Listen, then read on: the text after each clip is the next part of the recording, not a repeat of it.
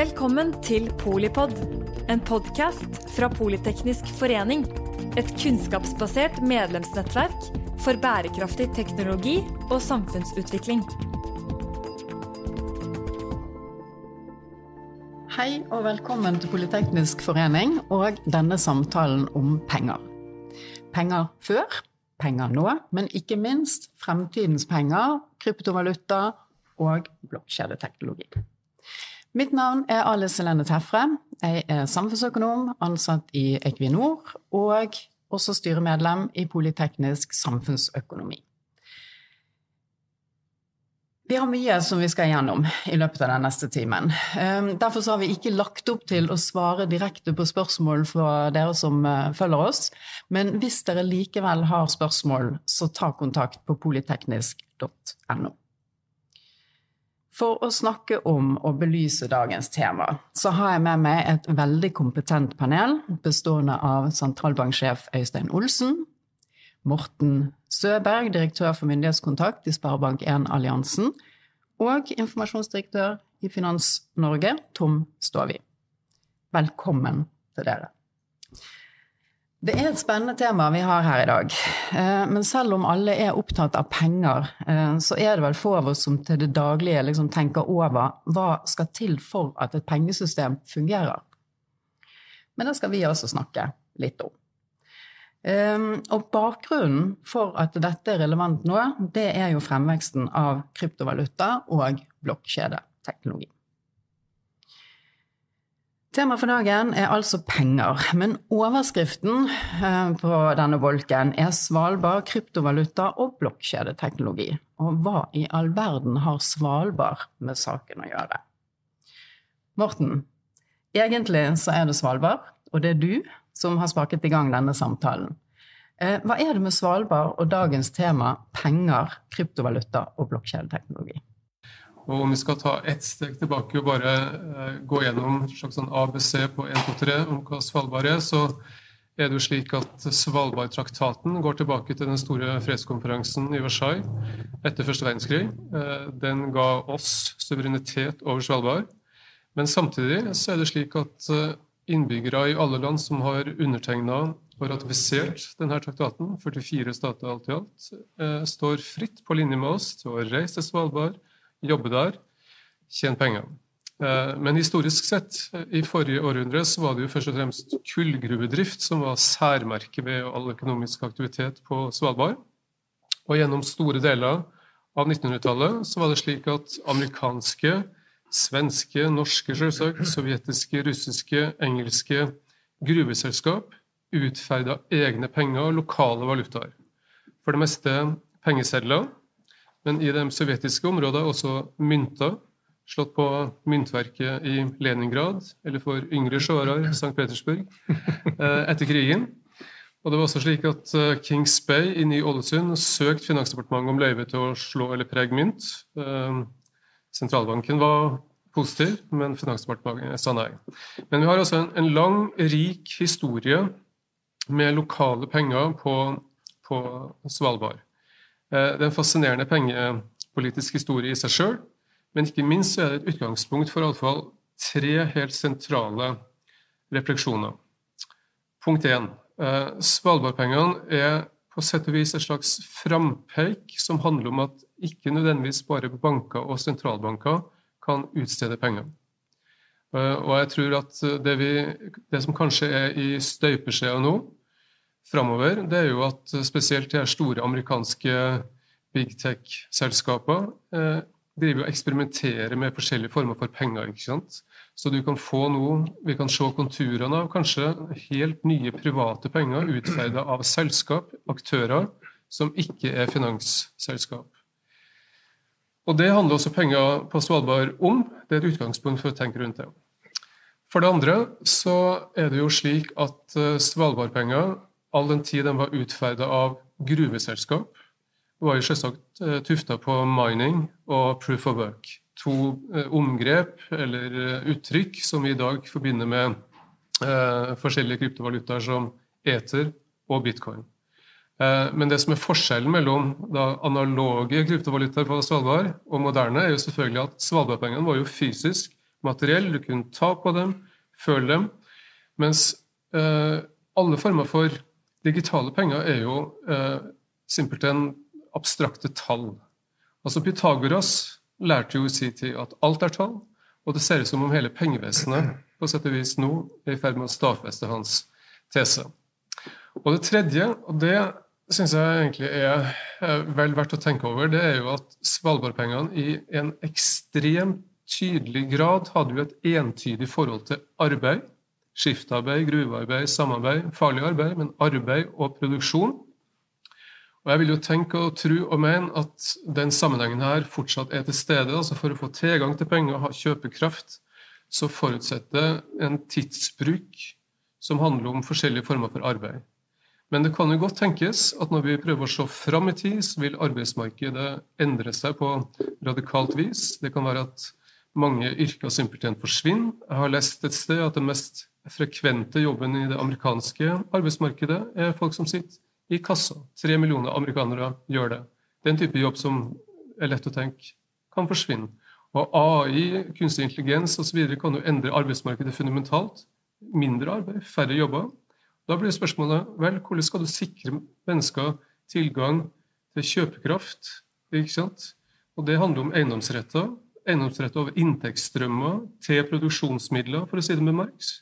Så igjen, altså Svalbard er som en slags sånn kullgruve, rik kullgruve eh, med massevis av stoff og materiale for refleksjoner, tanker rundt, eh, rundt pengene. Og det vi har gjort da, med prosjektet vårt, Svalbard Money, er jo, om enn på marginen, men gjennom essay, kunst, fotografi, podkaster, en seddelpresse der man kan få laga digitale reproduksjoner av norske og sovjetiske sedler, og en handelsplass for kjøp og salg, kanskje ikke. Vi ønsker simpelthen å bidra til mer kunnskap om penger, hvordan penger endrer seg, hvem som produserer penger, og gi eh, menigmann også en anledning til å stifte bekjentskap med denne blokkjedeteknologien Ethereum og, og kryptovalutaen Ether på et ikke-kommersielt, folkeopplysende vis. Så det i et nøtteskall et stort nøtteskall eh, er saken. Veldig bra, takk skal du ha. Da fikk vi satt Svalbard, om ikke akkurat på kartet, så i hvert fall inn i dagens eh, kontekst. Um, du nevnte jo arbeid og penger, og andre utstedere enn eh, sentralbanker og dagens banker, og det er jo kanskje noe vi vil komme tilbake igjen til uh, etter hvert. Um, men først, og helt grunnleggende, hva er det som gir penger verdi? Um, og jeg syns jo det er naturlig å begynne med å stille det spørsmålet til deg, Øystein. Hva er det egentlig som gir penger verdi? Det er et veldig godt spørsmål. Og um, de, de, klassiske svarene her er at uh, det vi oppfatter som penger i den moderne økonomi, de har, så har penger tre funksjoner. Penger tjener som målenhet. Uh, penger tjener som allment betalingsmiddel. Eh, og den tredje penger tjener for verdi, til verdioppbevaring. Så det er, det er, de tre funksjonene som eh, penger tjener i en moderne økonomi. Men bak alt dette igjen så vil jeg si at det, den viktigste egenskapen til penger, det er, det er tillit. Altså er, tillit er nøkkelordet. Tillit er helt avgjørende for at det skal fungere langs alle de tre dimensjonene. Så, og da er jeg kanskje over til å snakke, og det ligger meg på hjertet, om sentralbankens rolle. Fordi i, i en moderne økonomi, i, flere, i, alle store moderne økonomier, så har man en sentralbank i et ganske avansert pengevesen som er i veldig endring. Eh, ny teknologi vokser frem, nye, nye, nye kryptovalutaer kommer også. Eh, men, men bak dagens pengevesen, slik vi kjenner det i Norge og i de fleste andre land, så står det en sentralbank som har som hovedformål å opprettholde tilliten til pengevesenet. Tilliten til pengeverdien. For hvis, hvis den tilliten blir borte, så fungerer ikke penger langs de, de tre eh, formålene som jeg, jeg, jeg nevnte. Så ja, det var, det var, ikke et helt kort svar, men det var grunnleggende. Mm. Jeg tror eh, penger, altså tillit og aksept, uh, står jo sentralt om penger skal ha verdi, og har vel egentlig alltid vært helt grunnleggende, og sikkert grunnleggende også på, på Svalbard for de pengene som ble utstedt der tidligere. Um, likevel så kan det synes som om i dag så har tillit til og aksept endret seg. Altså at det, vi har tillit til andre elementer, aksept for andre elementer i dag enn det vi kanskje hadde tidligere. Eh, og kanskje har vi også andre forventninger til dagens pengesystem enn det vi hadde også tidligere. Så da lurer jeg liksom på hva er det som kjennetegner et velfungerende pengesystem i 2021? Altså hvilke forventninger har, eh, har kundene, Tom? Er de fornøyde? Har de misnøye med dagens pengesystem?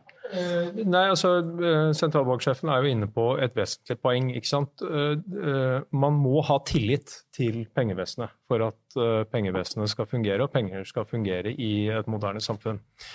Og det er jo åpenbart at veldig mye av den gode jobben Norges Bank gjør, bygger jo selvfølgelig tillit til vårt pengesystem. Eh, andre institusjoner i Norge. ikke sant? Eh, norske banker står under kontroll av Stortinget og Finanstilsyn. Tillit er også basert på at vi føler på at bankene har bygd nok egenkapital til å tåle en regnværsdag. Og så at vi er i stand til å levere billige, effektive, sikre tjenester for betalingsformidling og for verdioppbevaring.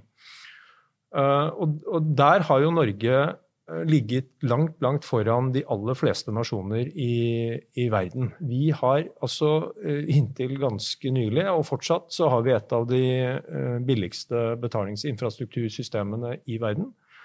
Norsk jeg tror Dette kan sikkert sentralbanksjefen rette meg på, men jeg, jeg lurer på om ikke det norske betalingsinfrastruktursystemet koster ca. en halv prosent av BNP å drifte hvert år. Det er kostnaden for at vi sender penger frem og tilbake uh, hver eneste dag mellom forbrukere og bedrifter. Hvis du går til land som har en betydelig større andel av uh, kontanter i, uh, i, betalingsformidlingen, så stiger den kostnaden til sånn oppunder 2,5% av BNP. Det er klart at Den forskjellen er så enorm at eh, kundene kanskje etter hvert leter etter andre løsninger på betalingsinfrastrukturutfordringen. Eh, og, og, og dette er jo grunnen til vi skal, vi skal, sikkert snakke litt om hvorfor vi har fått kryptovaluta og sånn etterpå. Men uh, en av grunnene til at vi nå har en stor liksom sånn verdensomspennende uh, samtale blant sentralbanker uh, rundt omkring, det er jo Sentralbanken har sett at fordi at i et moderne samfunn så er det sentralbanken som lager kontanter, og så er det bankene som lager alle de andre pengene. Altså de digitale pengene. Bankkontopenger. Så nesten alle pengene i det norske samfunn er laget av bankene. Uh, vi har nå en pengeverdi, altså uh, ca. 2300 milliarder kroner i Norge. Uh, og, og, og, 50 milliarder av dem som basically er kontanter, eller noe lavere. Så nesten alle pengene i det norske samfunnet er laget av banker og er digitale. Rundt omkring i verden så har man sett at nå begynner kontantandelen også å falle. Og så har du samtidig fått fremveksten av en rekke ulike kryptovaluta. Det har gjort at sentralbanken har satt seg ned og tenkt vi må vi må gjøre noe med det. Og, og, og, Derfor har vi nå fått en stor diskusjon om såkalte digitale sentralbankpenger. Altså digitale penger utstedt av sentralbanken i det enkelte land. Uh, og Det er også en spennende diskusjon som jeg er helt sikker på at vi kommer, skal komme tilbake til. Og, og kostnader, men kanskje også tilgang er noen av stikkordene ved et velfungerende pengesystem. Ja, men også at man føler seg sikker. Altså at, eh, at, at, man liksom kobler seg på en infrastruktur der du er sikker på at du ikke f.eks. blir frastjålet dine eh, passord, pålogging, der pengene kommer frem, uh, osv. Andre elementer, Morten, som du ser med et velfungerende pengesystem? Ja, jeg er helt enig med sentralbanksjefen selvsagt om at altså, penger er jo tillit uh, i, i, sin essens, men det er utrolig spennende og tankevekkende å, å, å reflektere litt over hvordan kildene til tillit til penger har endra seg over tid. Fordi Går du helt tilbake til opprettelsen av sentralbanken, så var jo den tufta på en, en, en sølvskatt, en veldig omfattende formuesskatt, som ramma høy og lav. Altså finansminister Wedel, eh, kone, sin kone, måtte jo levere inn arvesølv uh, for å betale sølvskatten sin. Jeg har lest om foreldreløse barn i Flom som måtte gi fra seg alt sølv de hadde. Altså, det å få pengestellet på stell her til mm. lands kosta blod, svette og tårer, men var da tufta på et syn, en hegemonisk syn om at edelmetall måtte ligge der i bunnen som et ankerfeste, som en kilde til tillit. Og Så har det endra seg over tid. Vi gikk fra sølv til gull.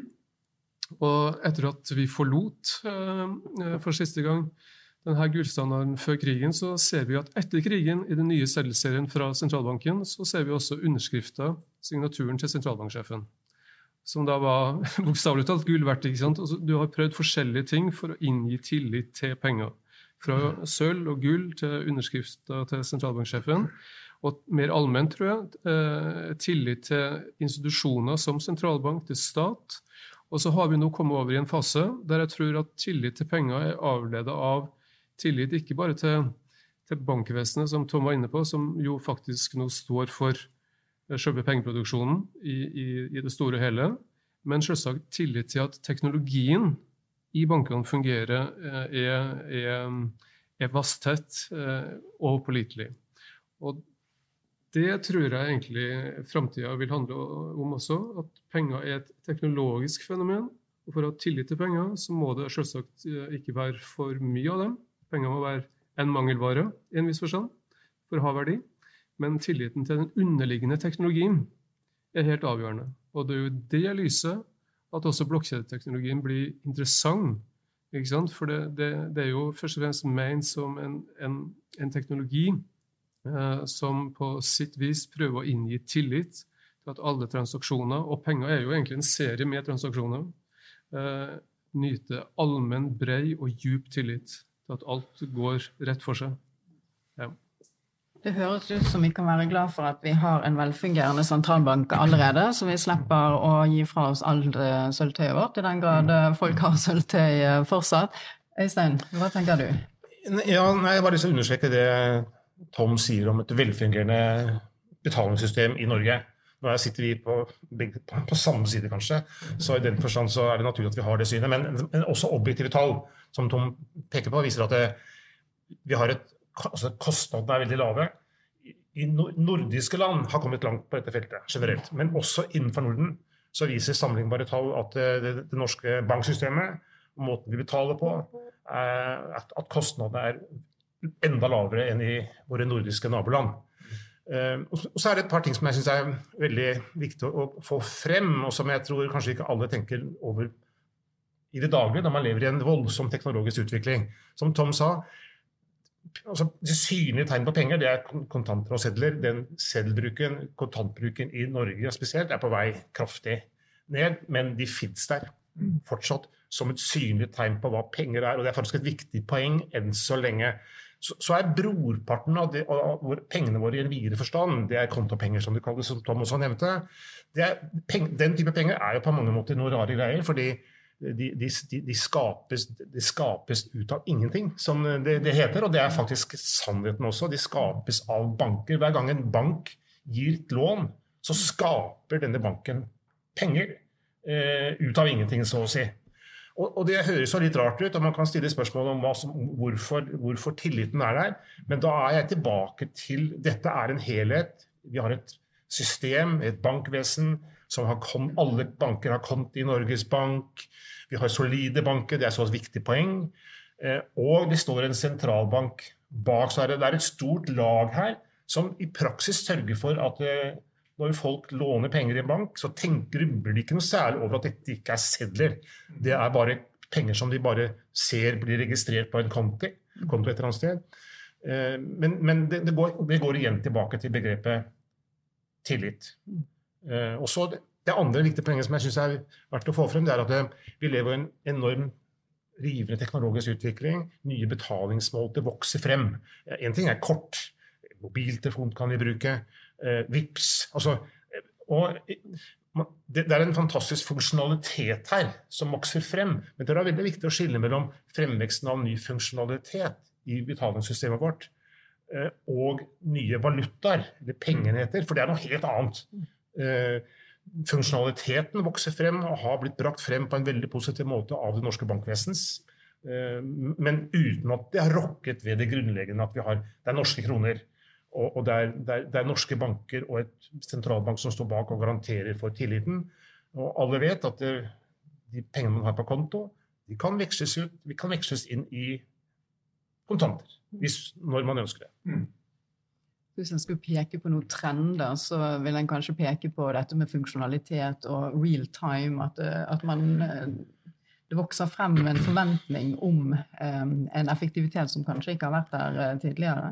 Den er, den er altså jeg er helt enig. Altså jeg, nå sa jeg at vi har, vi har et effektivt banksystem. Ja. Det har vi. Men det er, alltid, det er, alltid, utfordringer og det er forbedringer som både bankvesenet og sentralbanken er på leting etter. Mm. Og, og, og raske betalinger med umiddelbare oppgjør. Mm. Eh, der eh, har det skjedd mye de siste årene, også i Norge. Men der har vi i samarbeid med banknæringen prosjekter for å utvikle systemer som er enda mer effektive og kjappere og, har større nedslagsfelt i så måte betalinger på tvers av land. Store mangler. Ja. Eh, og da, da, tror jeg kanskje vi er på et, inne på et felt hvor, eh, hvor, arenaen er litt åpen for nye kryptovalutaer som, som kan være mer effektive middelbart eh, i så måte. Ja, og kanskje også en lavere kostnad. Eh, fordi altså, um, Nå må dere arrestere meg, men uh, de tallene jeg har hørt, er at en gjennomsnittlig cross border payments, altså en gjennomsnittlig betaling over landegrensen i verden, er et eller annet Der er kostnaden mellom 7 og 10% av betalingen, altså i snitt. Uh, og, og, og, sånn kan vi jo ikke holde på. Du kan tenke deg noen som kommer til Norge og skal sende noen penger hjem til familien. Hvis det koster dem 15% av det de overfører av verdier hjem til familien, så skjønner man jo at det finnes noen som tenker at her er det en forretningsmulighet å hjelpe til med å lage et mer effektivt og billigere system. Uh, og, og, og, det er jo mye av uh, forklaringen f.eks. For, for de som har hørt om Libra, uh, som nå heter Diem. Mm. Som jeg tror veldig mange av oss er litt usikre på faktisk blir lansert på noe tidspunkt. Det fikk veldig mye oppmerksomhet, men selve den grunnleggende ideen for Diem var jo å lage en pengeverdi som skulle ha en fast verdi mot uh, en kurv av uh, internasjonale valutaer, men som skulle være gratis å sende mellom alle som faktisk da hadde en wallet som kunne sende og motta de. Og, hvis det er sånn at du kan komme med det forretningsforslaget til en global verden som sitter og betaler 7-10% av alle transaksjoner over landegrensene, så er det klart at da, da har du et verdiforslag som jeg tror, hvis det hadde blitt lansert, hadde fått en voldsom impact. Altså. Det må jeg si. Sentralbanksjefen snakket om um, penger ut av ingenting. Um, det er vel ikke så mange som kjenner seg igjen i det, vil jeg tro.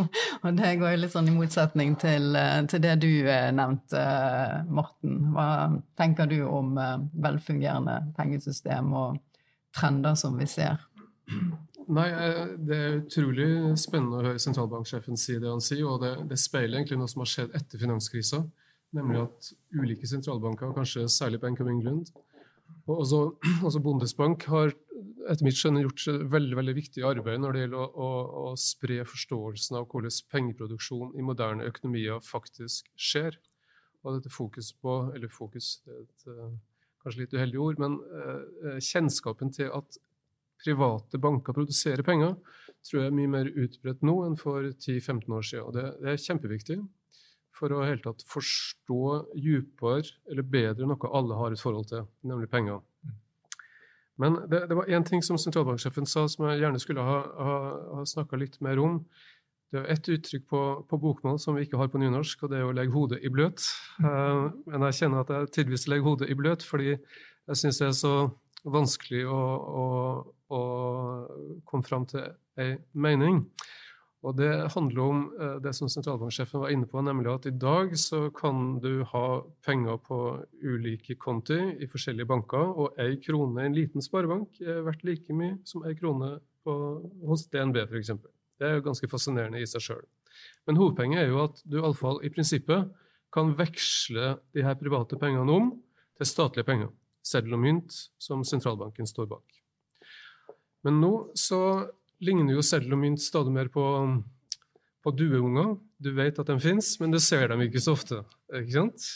Men hva skjer når, når kontanter og statlige penger ikke er tilgjengelig?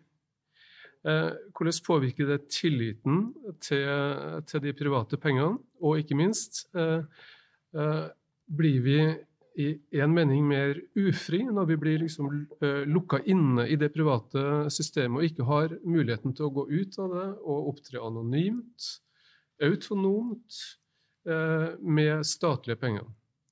Det tror jeg egentlig er det store, det store spørsmålet. Jeg tror nå framover at hele pengesystemet vårt ligger på en måte i støpeskjea, fordi uh, det store spørsmålet er jo liksom, hva eller hva slags pengeproduserende rolle staten ved sentralbanken skal ha framover. Uh, og det er lett å tenke at rent politisk sånn, at konservative vil tenke og tro at staten har alltid hatt en pengeproduserende rolle, ergo skal vi fortsette å ha det. Det er lett å tenke at sosialister og sosialdemokrater tenker at staten bør ha en sånn rolle. Uh, men uh, det er utrolig viktig at man foretar beslutninger som er velfundert, tufta på erfaring. Det er kanskje ikke en fordel å være først. ikke sant? La, la Sverige gå først og høste erfaring. Mm. Men, men liksom, hva slags rolle skal staten ha som pengeprodusent? Det tror jeg blir et viktig pengepolitisk spørsmål, uh, og et politisk spørsmål i tida framover. Takk og lov skal etter hvert uh, forlate temaet penger og gå mer over på, på, teknologi. og Du skal også komme tilbake og si litt om, om Norges Banks rolle fremover. Men vil du legge til noe her nå? Ja, for Nå, nå syns jeg akkurat Morten ga meg lissepasning og kom egentlig og begrunnet uh, hvorfor sentralbanker i tider som dette er faktisk veldig på hugget, veldig offensive, veldig klar over den rollen sentralbankpenger spiller. Syn, hvilken rolle kontanter, ja, eh, som er den eneste formen for sentralbankpenger for publikum, i hvert fall, i dag spiller for å skape tillit. Og så er det i, i, i nordiske land spesielt, så er det kontantbruken dramatisk på vei ned. Eh, og, og, skulle den bli så å si praksis helt borte, så har vi en, en stor utfordring i nettopp i å da, Vi må ha et synlig tegn på hva penger er, tror vi, i dette avanserte banksystemet for å opprettholde tilliten til penger. Og, Det er bakgrunnen for at vi, det er en viktig grunn for at vi utreder en digital versjon av sentralbankpenger som kan være tilgjengelig for et, eh, for et bredere publikum. Altså digitale sentralbankpenger. Det er ikke den eneste grunnen. En annen årsak, eller bakenforliggende drivkraft, har jeg også vært innom. Vært, Tom nevnte vel fremveksten av, eh, altså, av, av krypto, nye kryptovalutaer. Og tenker ikke på bitcoin, som egentlig er helt uegnet, det kan andre begrunne bedre kanskje, men, men, men såkalte stable coins stable valutaer som, som, som, som, har innretninger som sørger for stabilitet, som er en viktig egenskap for en pengeenhet. Så Diem, som eh, Libra, som nå heter Diem, er der og er en mye større utfordring for dagens pengevesen enn en bitcoin. Så, og, og, og, det er være vi må, vi, vi må være offensive i så måte. Vi må sørge for at, eh, at, at vi utnytter teknologien og, dersom, eh, og sørge for at, eh, at, vi beholder hovedtrekkene ved dagens system, med en sentralbank som et nav i midten av et velfungerende pengevesen. Så vi kan kanskje, kanskje komme litt tilbake til mm. digitale sentralbankpenger etter hvert. Yes, la oss gjøre det. Bare, bare for å skyte inn, at, uh, fordi at jeg har lyst til å gi Norges Bank uh, bøttevis med ros. Eh, for de som har lyst til å lese mer om dette, så vil jeg anbefale de tre rapportene som Norges Bank har skrevet om digitale sentralbankpenger. De gir en veldig god innsikt i eh, pengesystemet, først og fremst. Eh, de er godt skrevet. Du trenger ikke være sosialøkonom for å skjønne dem. Jeg skjønte dem. Og, og de er i tillegg veldig sånn åpent problematiserende knyttet til innføringen av en statlig digital penge. Eh, fordi at det har noen utfordringer ved seg som vi sikkert skal snakke om uh, videre. Men, men, men her syns jeg Norges Bank har gått betydelig lenger enn mye annet jeg har lest rundt omkring i verden når man har innført digitale sentralbankpenger eller har skrevet rapporter om det. Det veldig, Vi ser en mer problematiserende og liksom mer nyansert sentralbank i Norge enn det vi ser andre steder. Så det, det er virkelig tre dokumenter jeg anbefaler syns det var en veldig god overgang eh, fra dere begge to. Fra det som går på penger og det grunnleggende, og over og inn og snakke om eh, teknologi. Takk for at du lyttet til Polipod fra Politeknisk forening. Få med deg flere episoder, eller bli med på nettverksmøtene som du finner på at polyteknisk.